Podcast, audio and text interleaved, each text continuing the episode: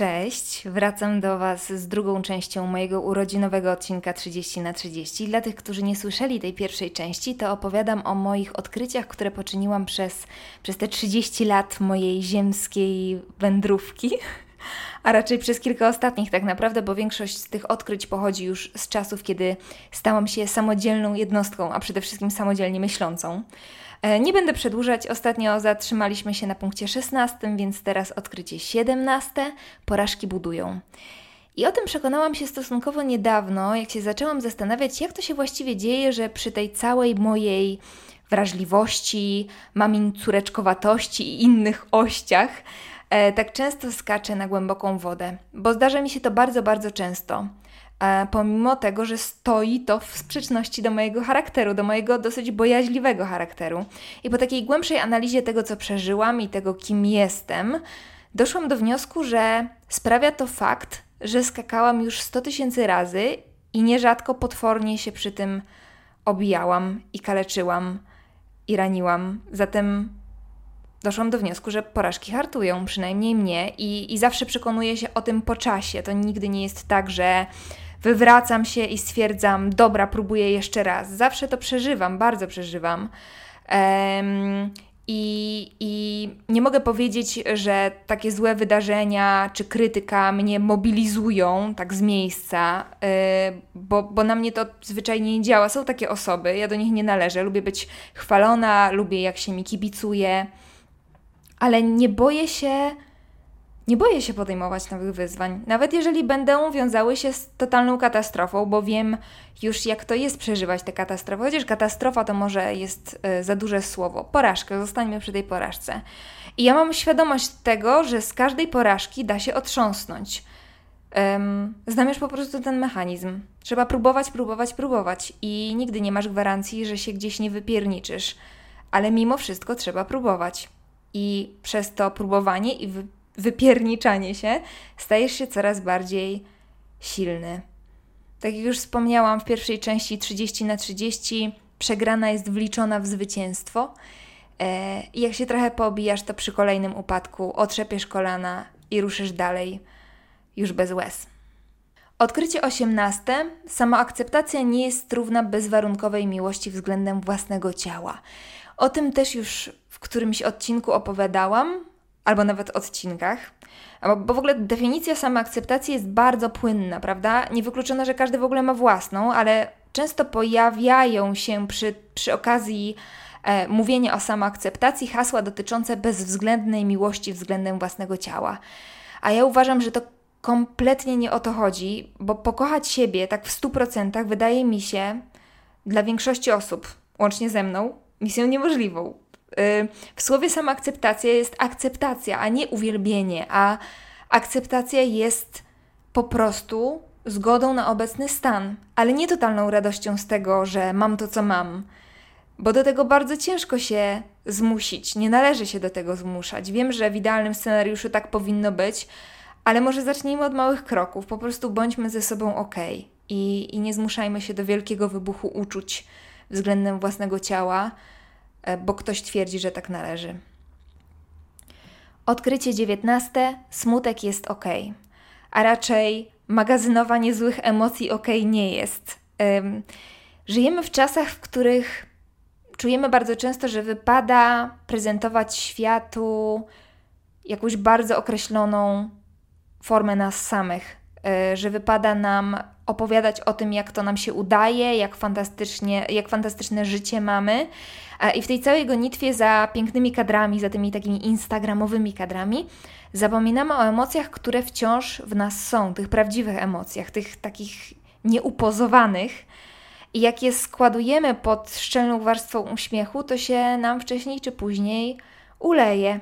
I mówię to na własnym przykładzie. Smutek naprawdę nie jest zły, kochani. Płacz też nie jest zły. Płakać trzeba wtedy, kiedy czujemy, że tego potrzebujemy. Od małego słyszymy: nie masz się, nie rycz, nie urządzaj scen, i to w nas zostaje, pomimo tego, że dorastamy i już dużo wiemy o świecie i już nie słuchamy każdego przykazania naszych rodziców.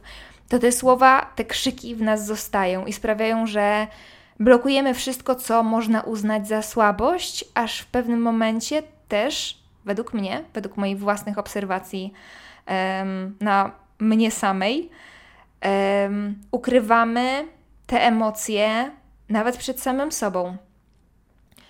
I ja Wam mówię, nie warto, bo to jest cholernie niezdrowe i wyjdzie z Was, z nas yy, w najokropniejszy możliwy sposób. Pamiętajmy, że ciało jest połączone z naszą psychiką. To jest tak naprawdę jedna maszyna, a takie składowanie złych emocji to jest zagrożenie, potężne zagrożenie, zarówno dla naszej delikatnej głowy, jak i, jak i ciała. Odkrycie 20. Czasem warto nie robić nic. I to jest odkrycie, którego kompletnie do własnego życia nie potrafię wprowadzić, ale wiem, że jest bardzo, bardzo ważne, więc postanowiłam się nim z Wami podzielić, bo po prostu zdaję sobie sprawę z tego, że warto. Nic nie robienia, boimy się, przynajmniej ja się boję, tak samo jak braku uśmiechu. Mm, gdzie byśmy się nie ruszyli, to słyszymy, ile kto zarobił, ile osiągnął. E, ja się w tę grę dałam wciągnąć, przyznam się Wam. E, zapierniczam potwornie. Mm, śmiesznie Wam się tego pewnie słucha, bo, bo macie tylko jakiś wycineczek mojego życia. Raz siedzę w knajpie, fotografuję jedzenie, głaszczę pieska, e, a na kolejnym story piszę, że nie zdążyłam zrobić tego czy tamtego i że jestem bardzo zmęczona. I zdaję sobie sprawę z tego, że taka historia nie jest do końca wiarygodna, ale oprócz tych kilku story, które wrzucam na Instagrama, pracuję pracuję na pełny etat, zdecydowanie za dużo, zdecydowanie za, za ciężko niż powinnam, niż jest w stanie to unieść mój organizm. A kiedy wracam do domu, to, to chcę działać dalej, prawda? Bo, bo, bo chcę robić ten swój internet, chcę do Was gadać, chcę, żeby to miało jakąś fajną formę. E, I to mi się zaczęło ostatnio odbijać potężną czkawką. E, o czym opowiadałam ostatnio na IGTV. Słuchajcie, zaczęłam gadać na IGTV, prawie, prawie założyłam kanał na YouTubie, na Instagramie, więc zerknijcie do mnie, jeżeli jeszcze nie obserwujecie mnie na Insta.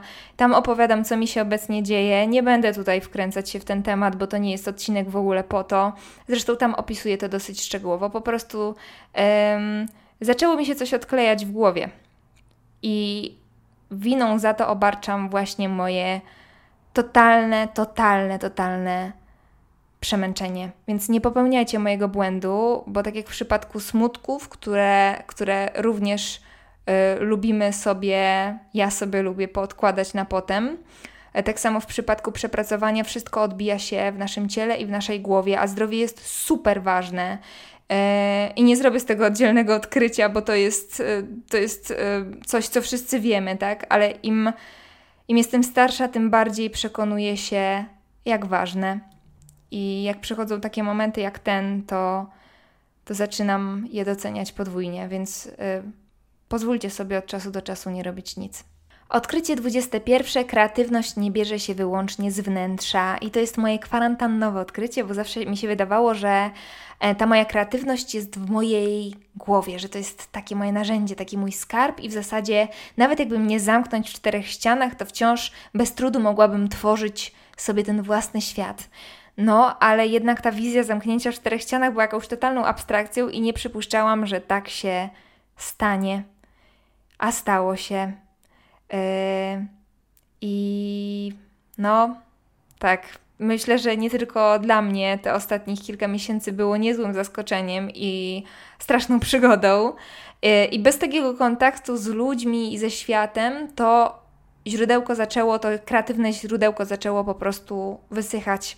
I powiecie teraz, hej Iga, a internet, przecież w internecie jest wszystko. No, no właśnie nie do końca. Mój mózg pobudza namacalna rzeczywistość, a nie świat wirtualny. Więc jeżeli tak jak ja masz obecnie suszę kreatywną, no to myślę, że taką, takim pierwszym lekarstwem jest po prostu wyjść z domu. Już można. a teraz odkrycie 22. Ruch to zdrowie. I o tym odcinek już był. Powiem Wam szczerze, że z poczynieniem tego odkrycia nie posiadam się z radości, bo to jest. To, to absolutnie zmieniło moje życie. Takie to proste, nie? Codziennie trochę się spocić i musiałam, yy, musiałam czekać 30 lat, żeby to odkryć. Że obiecałam, że nie będę o tym bełkotać, więc po prostu zapraszam Was do odcinka Samoczułość, tam o ruchu i o mojej w ogóle filozofii na temat wysiłku fizycznego mówię nieco więcej. A teraz odkrycie 23 jest coś tym, co jesz. W ogóle ruch to zdrowie, jesteś tym, co jesz. Brzmi jak z jakiejś książki z podstawówki do biologii, e, z takimi wskazówkami dotyczącymi zdrowego trybu życia. I brzmi to przy okazji jak pusty frazes, słyszymy to od maleńkości, ale jakby się nad nim trochę zastanowić, to jest w 100% prawdziwy. I nie chodzi tu wyłącznie o to, że to, co jesz, odbija się na Twoim zdrowiu i na Twoim wyglądzie. E, tylko to, co jesz, jest odzwierciedleniem tego, co czujesz i co możesz poczuć. Tu, tu bardziej według mnie o psychikę chodzi niż mogłoby się wydawać. Znowu wspomnę o tym, że ciało jest powiązane z głową. wypełniając ciało zdrowym pożywieniem, czujemy się też lepiej sami ze sobą, na poziomie psychiki, wręcz na poziomie duchowym. To jest super ważne. Ja też, wiecie, nie chcę też wchodzić za bardzo w temat odżywiania. E, ja swoje nawyki żywieniowe bardzo zmieniłam, ale to jest temat delikatny, to jest temat bardzo indywidualny e, i nie chcę nikomu niczego narzucać ani niczego promować. Po prostu jedzcie zdrowo. Odkrycie 24. Jesteś tym, co mówisz i myślisz. I tutaj wchodzimy na takie tematy troszeczkę magiczne, ezoteryczne, new age'owe. E, ale nie będę Wam tutaj opowiadać o prawie przyciągania i innych szmerach, bajerach, chociaż nie bijcie mnie, ja naprawdę wierzę w to, że nasze myśli kreują rzeczywistość. E, ale akurat w przypadku dzisiejszego odcinka i tego omawianego przy, przeze mnie odkrycia, e, chcę trochę oskubać to zjawisko z magii.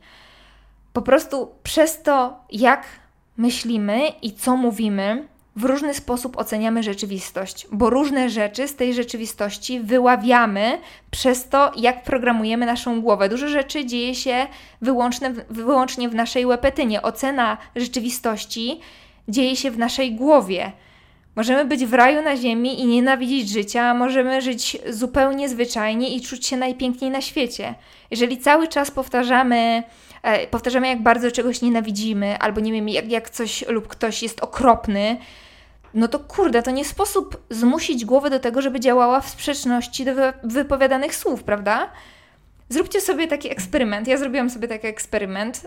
E, jeżeli na przykład często powtarzacie, że czegoś nienawidzicie, ja, ja na przykład bardzo lubiłam mówić, że czegoś nienawidzę, to wyrzućcie to, to słowo zupełnie ze swojego słownika i zobaczycie, co będzie się dziać. Jak inaczej będziecie postrzegać rzeczywistość. W idealnym w ogóle scenariuszu fajnie w ogóle pozbyć się tych wszystkich negatywnie nacechowanych słów. Jasne, że to nie zawsze jest możliwe, ale warto się kontrolować i ta rzeczywistość naprawdę się zmienia. Przynajmniej moja się zmieniła. Odkrycie 25. Większość problemów ma krótką datę przydatności. I oczywiście mówię tutaj o takich bzdurkach, problemach, takich problemikach, o rzeczach, które są um, mało ważne z punktu widzenia upływającego czasu, bo zaraz mi ktoś napisze, że prawdziwe problemy ciągną się latami. I oczywiście to jest prawda, ale ileś jest takich, takich nieistotnych bzdur, które pochłaniają nam całą masę myśli. Robimy jakąś głupotę i tu w ogóle odkrycie w odkryciu, każdy robi głupoty, nie ma ludzi kryształowych i nieomylnych, każdy od czasu do czasu robi coś strasznie głupiego i płonie ze wstydu. Zatem robimy głupotę, a później wałkujemy ją w głowie do niewytrzymałości. Przynajmniej ja tak robię, robiłam, ale robię też wciąż. Już cały świat zapomina o tej głupocie, a ona wciąż tkwi w naszych głowach i cały czas sobie wytykamy, um, mówimy sobie, jak można było coś zrobić inaczej, zastanawiamy się, dlaczego nie zrobiliśmy inaczej, tylko tak, w taki najgłupszy sposób. Aż nadchodzi kolejny dzień i ta bzdura jakoś tak, tak traci na ważności, nie? I kolejnego dnia już prawie zupełnie blednie, a za tydzień kompletnie o niej nie pamiętamy. Warto o tym naprawdę pamiętać w tej pierwszej fazie jej rozkwitu w naszych głowach, wtedy kiedy zaczyna się zakorzeniać w tą lawinę strasznych myśli. To wszystko mija. Odkrycie 26. Nie potrzebujesz większości przedmiotów, które wydają ci się potrzebne. Minimalizm to jest zjawisko, to jest sposób życia, o którym muszę nagrać odcinek. W ogóle jakiś pół roku temu zaczęłam już nawet taki odcinek przygotowywać i wylądował w szufladzie, e, ale będzie miał swój e, wielki powrót, myślę, że całkiem niedługo. Um, I to nie jest akurat jedna z rzeczy, do której mogę. Za, zaplątał mi się język. Do której mogę kogokolwiek Boże, język polski jest taki strasznie trudny, naprawdę nie zazdroszczę osobom, które muszą się go uczyć. E, jeszcze raz. Minimalizm to nie jest rzecz, e, do której mogę Was przekonać, bo, mm, bo to jest mój sposób życia, tak? A raczej coś, z czym się w zasadzie urodziłam, bo ja od zawsze lubiłam mieć mało. Ale przez to, gdzie pracuję, a pracuję w reklamie i piszę reklamy i wymyślam reklamy, wiem, jak działa ich język. Mm. I, I wiem, że istnieją pewne konstrukcje, które zarówno w obrazie, jak i w słowach, w tekście, w muzyce, które mają nam mówić, że czegoś potrzebujemy. Media tworzą w nas ciągłe poczucie głodu. Wytykają nam nasze wady, wytykają nam to, że coś jest z nami nie tak i od razu dają nam remedium, tak? Produkt, bez którego mamy nie przeżyć, mamy okropnie się zestarzeć, nie wyglądać najgorzej na świecie i tak dalej, i tak dalej. I nawet jak nam się wydaje, że reklamy w takim tradycyjnym rozumieniu mają na nas wpływu, to ja wciąż upieram się przy tym, że mają olbrzymi. Większy tak naprawdę niż kiedykolwiek wcześniej, bo one się już przestały ograniczać do prasy i telewizji. Są absolutnie wszędzie. Mm, banery internetowe, które dostosowują się do Twoich algorytmów i dobierają dokładnie taki produkt, którego możesz potrzebować. Influencerzy, którzy wciskają Ci byle co, mówiąc, że tego byle czego używają od, od lat, chociaż mają to coś w dłoniach po raz pierwszy i tak dalej, i tak dalej. I nie powiem teraz, nie dajmy się reklamą, bo wiem, że się nie da. Sama potrafię się nabrać, nabieram się i pewnie będę się nabierać, ale zachęcam do podwójnego namysłu po prostu. Czy danej rzeczy tak naprawdę, naprawdę potrzebujemy?